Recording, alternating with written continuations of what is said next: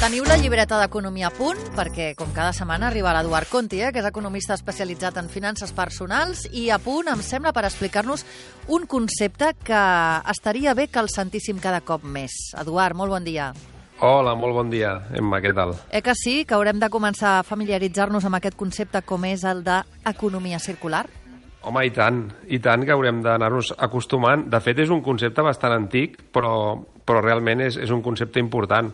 Al final, si anem a la definició, una de les definicions més habituals de l'economia seria la ciència que s'ocupa de la gestió de recursos escassos que han de satisfer necessitats individuals i col·lectives il·limitades. No? Aleshores, el que planteja l'economia circular precisament és això. El que fa és qüestionar un model en el qual el que fa la humanitat és explotar uns recursos, produir uns productes, aquests productes es consumeixen, s'utilitzen i després es converteixen en, en deixalles, en, en rebuig. No? I això doncs clarament és insostenible i el que fa l'economia circular és plantejar la reutilització, el reciclatge, la reparació de tots aquests eh, productes que anem fent servir i que tornem a la Terra en forma de deixalla doncs, d'una forma completament insostenible. No? Clar, el que intentem aquí, amb el concepte de, de d'economia circular és que el nombre de deixalles que deixem a la Terra, no? aquest Sí. rebuig, sigui el mínim possible i això, és, i això només es pot fer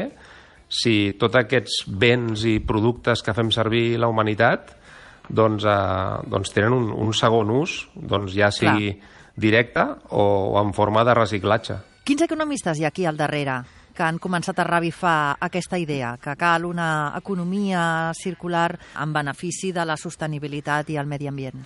Sí, això a vegades sembla que tot el tema de l'economia ambiental sigui una qüestió que, que, que ha nascut fa poc temps, no? amb, amb l'auge de la preocupació pel canvi climàtic, però en realitat el, el tema ve de més lluny. De fet, Sí. ja amb, no va utilitzar el terme com a tal, però hi ha una, un economista que era Kenneth Boulding, l'any l'any 66, ja va parlar del que era com una economia oberta en contraposició amb una economia tancada. L'economia tancada seria una economia que utilitza uns recursos Sí. els, i finalment aquests recursos es converteixen finalment en, en deixalla.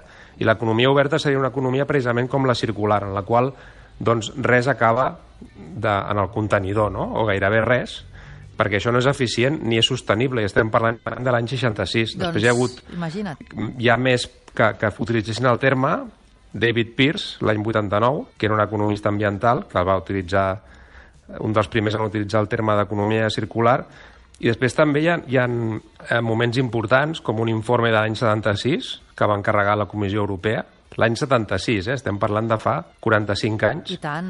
que el van escriure Walter Sta- Stagel i Genevieve Ridley, que ja estaven parlant de la necessitat de, de posar en marxa una economia circular que no fes aquesta explotació de recursos tan salvatge. I fa Déu-n'hi-do. 44 anys. I quants anys fa també que Bill Gates va pel món exposant totes aquestes teories també, oi? L'altre dia el veia a la portada de no recordo ara quina revista i pensava, mare meva, si potser fa 30 anys que també va al darrere d'aquest tema ell. Sí, a més a més, Bill Gates, que, que ja es va pronunciar fa uns anys advertint que podia ser que hi hagués una greu pandèmia, el que està dient ara, i jo crec que estem tots molt d'acord amb això, és que el gran repte de la humanitat no és tant el coronavirus, Clar. que és una, una, una gran crisi per tot el món, però que ja està en vies de resoldre's, sinó que el gran repte que enfrontem com a civilització o com a humanitat és el canvi climàtic. Exacte. I ell això ho ha recordat perquè, clar, a vegades quan tenim un incendi, no, no ens, ens oblidem de que, de que hi ha algunes coses més grans que estan, que estan venint i el tema d'aquest del canvi climàtic realment és, és essencial. Hi ha una associació que és la, la xarxa de la petjada global, Sí, que el que fa és anar calculant uh, quina és la petjada humana no? a la Terra, o sigui, quin és l'ús que fem dels recursos i en aquests moments doncs, es calcula que faríem falta 1,6 planetes cada any per fer l'ús que la humanitat fa dels recursos mare naturals. meva, imagina't. I això va a més, això no va a menys, això va a més. Si mires el, la distribució de, dels països, no? hi ha els països més desenvolupats, hi ha els països emergents, hi ha els països més pobres. Doncs hi ha una relació directa entre la petjada, entre aquesta petjada humana, entre aquesta, aquest ús abusiu dels recursos naturals i el nivell de desenvolupament. És a dir, que en aquests moments, a dia d'avui, el desenvolupament econòmic va molt vinculat en aquesta petjada humana i, per Exacte. tant, doncs, fa que en, en els termes actuals el desenvolupament econòmic es, es pot dir que és pràcticament insostenible. Eduard, creus que ja podem posar com a exemple algunes empreses que estiguin posant en pràctica aquest tipus d'economia? Sí, mira, et dic empreses que, que coneixem tots així molt ràpid. val? N'hi han de petites també, però a vegades amb les grans va bé perquè, perquè les coneixem. No? Mira, una, una empresa com IKEA, per exemple, uh -huh.